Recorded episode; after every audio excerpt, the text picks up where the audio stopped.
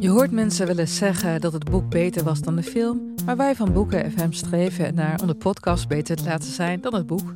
Wij lezen de klassiekers die je nog niet gelezen hebt. We lezen de boeken die je heel graag wil lezen, maar waar je eigenlijk voor schaamt om in het publiek mee gezien te worden. We lezen de Libris-winnaars. Uh, we praten over de Nobelprijslariaten. Allemaal zoals je een etentje hebt dat je moeiteloos mee kan praten en dat het lijkt alsof je helemaal belezen bent. Wij zijn Ellen, Joost en Charlotte van Boeken FM en je kunt ons luisteren in je favoriete podcast-app.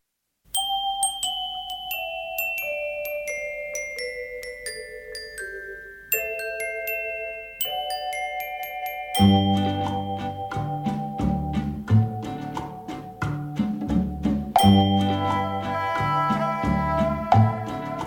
bij aflevering 309 van Echt Gebeurd, de podcast waarin mensen hun eigen waargebeurde verhalen vertellen. Afgelopen zondag mochten we eindelijk weer een verhalenmiddag organiseren. Dit was het eerste verhaal van die middag, verteld door Dorit Graaf. Het thema was Tweede Kans.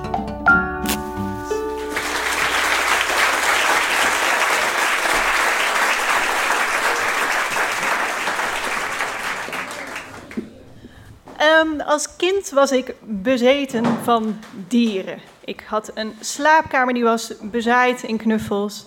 De muren waren behangen met posters. Ik was lid van Kids for Animals, een abonnement op de Penny. Um, dieren waren mijn leven. En het enige wat er eigenlijk aan ontbrak, was een eigen huisdier. En, uh, ik was uh, een jaar of zeven. Mijn ouders vonden me eigenlijk nog net iets te jong voor een huisdier, dus die kreeg ik niet. Uh, maar het was mijn grootste droom. In de penny stonden altijd uh, verhalen over van die meisjes van mijn leeftijd ongeveer, die dan een uh, paard redden van de slager. Heldhaftige verhalen. Iedereen was trots op die meisjes. Het paard was dankbaar, ouders blij. En ze mochten dan altijd die pony ook houden. En ja, ik denk dat dat, dat aan de, ja, hoe heet het, aan de grond staat van mijn redderscomplex. Dat ik uh, nog steeds heb. Want ik dacht, ja, zo'n zo dier redden, dat is van zichzelf al mooi. Maar als je hem dan mag houden, dan heb je een huisdier. en um, dit, dit, dit, dit groeide in mijn hoofd. En elke keer als ik uh, van school naar huis fietste, dan hield ik nauwlettend alle bosjes langs het fietspad in de gaten, want er kon zomaar een keer een kartonnen doos staan met jonge katjes erin. En die kon ik dan op de fiets mee naar huis nemen en met de fles groot brengen. En iedereen zou blij zijn en trots zijn. En mijn ouders konden dan niet zeggen dat ik die katjes uh, weg moest doen, want dat was dan zielig. Dus da daar beet ik me in vast. Maar het gebeurde eigenlijk nooit, tot eigenlijk, nou ja, twintig jaar later. Uh, inmiddels had ik heel wat uh, dromen verwezenlijkt, kinderdromen. Ik, ik, werkte bij de Donald Duck op de redactie. Ik had. echt waar. En, en ik had zelfs op, op de rijpe leeftijd van 28 een verzorgpony weten te regelen voor mezelf. En daar was ik die middag naar onderweg. Het was een zonnige vrijdagmiddag. Ik zat op de fiets in de richting van de manege en ik fietste door een lommerrijke buitenwijk van Leiden. En ineens zie ik voor mij in de straat um, een groepje vogels zitten. Um, koutjes waren van die kleine, uh, brutale kraaitjes. En die vogels die pikten in iets. En het, uh, het leek op een, uh, een boterhamzakje. En toen ik dichterbij kwam, toen fladderden die vogels verschrikt op. En dat, dat boterhamzakje probeerde ook weg te vliegen. maar die plofte weer terug op het, op het asfalt. En toen zag ik dat het geen boterhamzakje was, maar een klein bruin vleermuisje. En ja, mijn hart maakte een sprongetje. Want dat was een dier in nood. Het moment was aangebroken. Een gouden licht daalde op die vleermuis neer. En ik wist, die ga ik redden. Dus ik knap mijn, uh, mijn, uh, mijn fiets op de standaard midden op de weg. Ik stap met kordatenpassen op die vleermuis af. En uh, ik maak een soort schepnetje van mijn handen. Er bleek ineens heel veel leven in dat beestje te zitten. Het was best wel moeilijk om hem te vangen zo. Maar het lukte. Ik had uh, een kommetje van mijn handen met daarin de vleermuis. Die flink tekeer ging trouwens ook. En ik stond daar en ik denk, ja, wat nu? Want in alle verhalen die ik had gelezen, alle boeken, alle films... was dit eigenlijk het moment dat uh, die, die vogel met een gebroken vleugel, die was uh, genezen, die werd door de verzorger vrijgelaten, weet je wel. En dus die, die verzorger opende dan zijn handen en die vogel die vloog dan zo weg met de achtergrond van de ondergaande zon. Prachtig romantisch. ik kon me niks anders voorstellen eigenlijk dan dat mijn droom zo zou, zou gaan. Dus ik loop naar de berm, een hoge gras, met uh, de vleermuis in dat kommetje nog. Uh, ik doe mijn handen open en ik geef nog een beetje zo'n zetje van vlieg. maar die vleermuis die vloog niet. sterker nog, die had zich heel stevig vastgebeten in mijn pink. Echt vast. Dus ik probeer een beetje zo voorzichtig een beetje te schudden. Dierenliefde en zo. Ik wil hem geen pijn doen, maar hij zat echt, echt vast. Dus um, ik denk dan maar, dan maar lostrekken met mijn andere hand. Dus heel voorzichtig. Uh, prompt draait die vleermuis zich om. Uh, bijt zich nog harder vast in mijn andere hand. Niet los te wrikken. Uh, dus ik moet toch wat hardhandiger te werk gaan. Ik, ik sta echt met mijn handen te schudden alsof je zeg maar, bij een openbaar toilet bij de wasbak zo je handen probeert droog te krijgen. Lukte uiteindelijk wel, dus die vleermuis valt met een plof zo in dat gas. En ik kan eindelijk even goed kijken naar, naar het object van mijn reddingsactie. Um, het, het, is een soort klein, schattig bruin pluizig hamstertje. Met het gezicht van de duivel. Echt woest was hij. een pure haat, krijsen. Je zag dat kleine gebitje met al die scherpe, vernijdige tandjes. Um, kwaaier kon je dat beest niet krijgen, stank voor dank, denk ik. Maar goed, kan hij ook niks aan doen. Hij weet niet dat dit uit de goedheid van mijn hart is. En ik sta er naar te kijken en ik denk... eigenlijk moet ik hier even een foto van maken voor op Facebook. Want mensen geloven nooit dat dit gebeurd is. En zo'n beestje zie je maar één keer van zo dichtbij. Maar dan word ik een soort van overspoeld door een gevoel van ja, mindfulness. Um, ja, ik denk bij mezelf, uh, dit, is, dit is een hele goede daad die ik nu doe. En wat is de mooiste beloning voor een goede daad? Dat is uh, ja, het gevoel dat je eraan overhoudt. En niet, niet de likes op Facebook. En in mijn hoofd ben ik echt, nou ja, echt heel goed bezig. Hè? Jezus, uh, Gandhi, Moeder Teresa en ik met die vleermuis. Nee, ik denk, ik besluit, Jezus deed het ook niet voor de likes. Hè? ik, ik, ik neem dit moment in mij op. Uh, dit is goed zo. Ik, uh, ik uh, breng een laatste groet aan die vleermuis die daar nog steeds een beetje ligt te krijsen. En, en ik zeg tabé, ik stap op mijn fiets en ik fiets verder. En terwijl ik aan het fietsen ben, denk ik, ja, maar ik wil eigenlijk... Mm, het is toch wel fijn dat andere mensen weten dat je goed bezig was, toch? Dus eenmaal aangekomen op de manege, pak meteen mijn telefoon en ik zet op Twitter de hilarische grap. Ik was zo trots op mezelf. Ik zei, um, zojuist gebeten door een vleermuis, verander ik nu in een vampier? Hashtag durf te vragen. mijn telefoon staat uh, vrijwel direct roodgloeiend.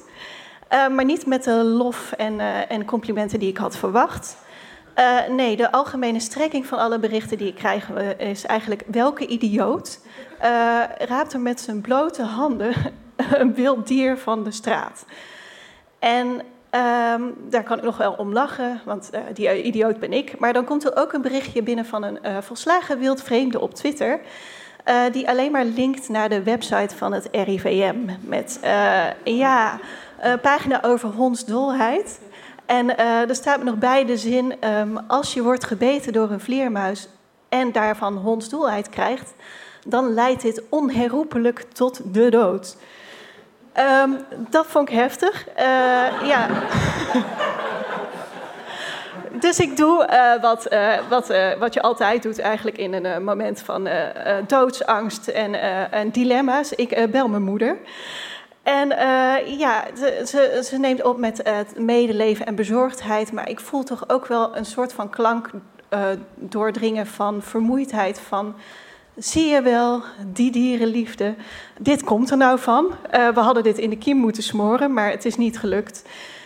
Op dringend advies van mijn moeder ga ik meteen naar de huisarts. En die huisarts die stuurt me meteen door naar de spoedeisende hulp. En daar aangekomen in de wachtkamer blijkt dat het de drukste vrijdagmiddag op de spoedeisende hulp in dat ziekenhuis is in tijden. Uh, er zitten uh, nou, lijkbleke kindertjes, uh, bejaarden met open botbreuken. En, en ik dus met een bijna onzichtbare puntje bloed op mijn pink en mijn wijsvinger. ik zit daar zo tussen. Toch een beetje, ja, ik voel me ongepast daar. Maar uh, de dokters kwamen me halen niet, namen me mee naar een aparte behandelkamer. En ze hebben een beetje een glundering in de ogen. Ze zeggen, ben jij het meisje van de vleermuisbeet? En ik zo, ja. ik denk, nou komt het, de lof. Um, en uh, ze zeggen, laat zien. En ik laat mijn pink en mijn wijsvinger zien. En ze moeten echt heel van dichtbij kijken. En ze zien het eigenlijk niet, maar goed, toch? Ja. En... Uh, meteen neemt de stemming al een beetje af van die, uh, van die uh, dokters. Ik probeer nog het goed te maken met het verhaal. maar eigenlijk het enige wat ik van reactie van ze krijg is: ja, het is heel lief van je, maar ook best wel dom. En nu blijkt, dat, dat wist ik niet en waarschijnlijk jullie ook niet, maar het is best wel heftig om in Nederland een hondsdolheid te krijgen. Het komt bijna niet voor en daarom is er maar één centraal punt waar de vaccinatie is opgeslagen. En als er dan zeker is dat er een besmetting is, dat echt iemand het heeft, dan sturen ze een koerier op en neer om dat vaccin te halen. Dat is nogal tijdrovend, veel mensen krachten mee gemoeid. Dus doen ze liever niet. Maar ja, ik dacht dan van dan wachten we toch af tot ik ga schuimbekken. En dat is dus punt 2 van, uh, van hondsdolheid. Je merkt 24 uur lang helemaal niks dat je het hebt.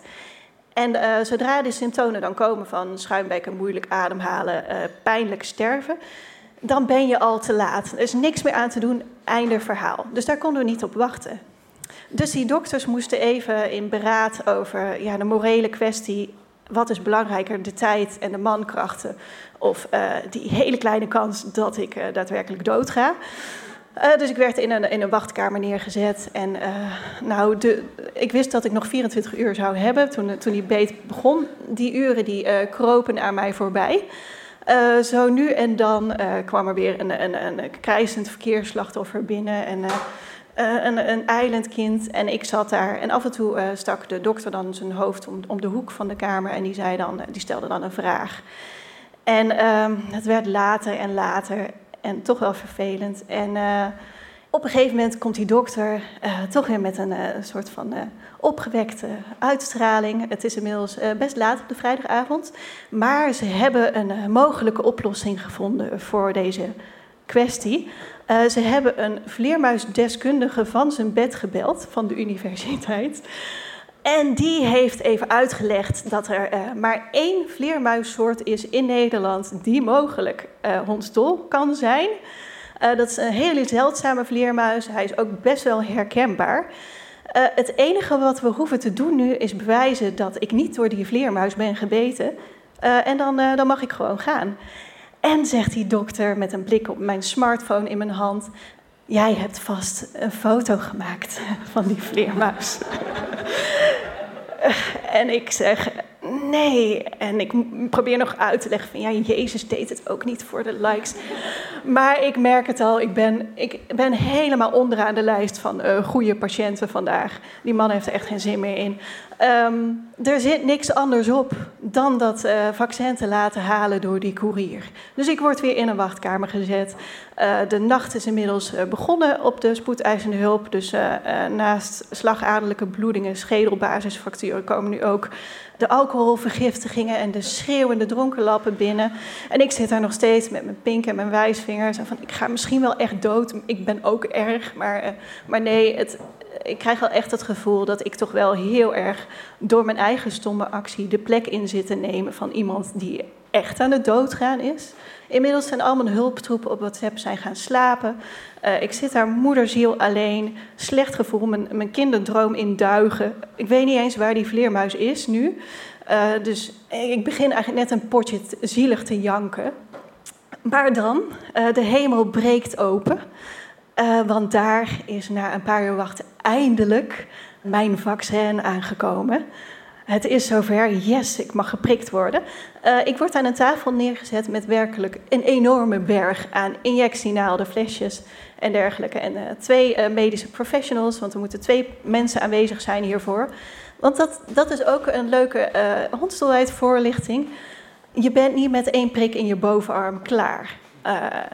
Nee, uh, het is namelijk van belang dat uh, het, virus zich niet verder verspreidt in je bloedbaan. Dus je moet uh, in de eerste plaats rondom de beetwond geïnjecteerd worden, helemaal. met, met een scherpe naald, zeg maar, helemaal daaromheen. En ehm, dan, ik weet niet precies wat hierbij het idee meer was. Ik was niet helemaal meer bij de pinken op dit punt van de avond.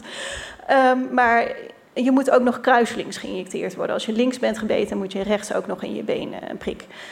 Dus uh, ja, dat gingen we doen. Er zat niks anders op. Dus uh, de wonden werden ontsmet. En die dokter die zegt tegen mij, uh, met één blik op mijn betraande, bevlekte gezicht, haar in de war, zegt: Als je wil, mag je best even, even vloeken en schreeuwen hoor, want het kan een beetje pijn doen.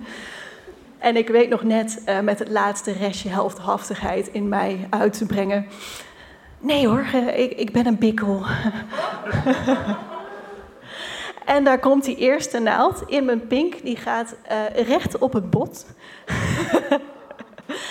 en ik krijs het uit. Ik, uh, ik kerm als een aangereden dier. en huilen, vreselijk. Dat was de eerste prik van ruim twintig. Nu lach ik. maar toen. Um, en dat was pas in de eerste uh, hand.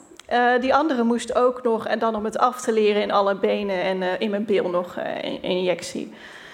ongeveer 20 minuten later, mijn, mijn pinkje heeft het formaat, ik overdrijf niet, het formaat van een Hema hotdog met hoeveel vaccin er inmiddels in zit. het bloed heviger dan dat het de rest van de dag gedaan heeft. Alsof ik nou, de twintig vleermuizen hadden mij niet zo erg kunnen laten bloeden als dit. Dus nou, ik word uh, uh, bezwachteld, bepleisterd uh, en ik mag gaan. en het is inmiddels drie uur s'nachts. En de verpleger die wijst me de weg door de verlaten gangen van het grote ziekenhuis. er, is een, er is niemand meer. Ik hoor in de verte nog geschreeuw van een dronkenlap die geholpen moet worden, maar dat is het wel. En bij de uitgang kijkt die verpleger me aan en die zegt: eigenlijk uh, mag je in deze toestand niet in je eentje naar huis. Komt er iemand jou ophalen? En uh, ja, eh, Gandhi zou dit niet doen, maar ik kijk de beste man aan en ik lieg glashard. Ik zeg, ja hoor, uh, iemand komt me halen. Half snikkend. hij zegt, dan is het goed, dan mag je gaan. En ik strompel in mijn eentje naar huis, langs de verlaten grachten uh, hangende schouders, tranen over mijn wangen. Want ik heb vandaag mijn uh, kinderdroom in vervulling zien gaan. Maar het viel enorm tegen. Uh, niemand was trots. Ik mocht de vleermuis niet houden. tragisch. Op dat moment komt het nooit meer goed. er hadden honderd dozen met katjes kunnen staan. Ik had ze niet gered. inmiddels zijn we een paar jaar verder. En als je me nu zou vragen: ben je dom genoeg om dit allemaal nog een keer te doen? Dan zeg ik volmondig ja. Maar mocht ik een tweede kans krijgen, dan maak ik overal een foto van. Dankjewel. Dat was een verhaal van Dorit Graaf. Dorit werkt nog steeds op de redactie van Weekblad Donald Duck en daarnaast schrijft en tekent ze boeken en strips voor kinderen. Ze vertelde dit verhaal afgelopen zondag tijdens onze eerste verhalenmiddag sinds heel lange tijd. Na de zomervakantie gaan we weer elke maand een middag organiseren in Comedy Club Toemler onder het Hilton in Amsterdam. In september met verhalen rond het thema EHBO, eerst hulp bij ongelukken dus. In oktober rond het thema handel. In november is het thema kunst. En in december gaat het over ouders. Heb jij een mooi waargebeurd verhaal bij een van deze thema's? EHBO, handel, kunst of ouders? Geef je dan op als verteller via onze website echtgebeurd.net.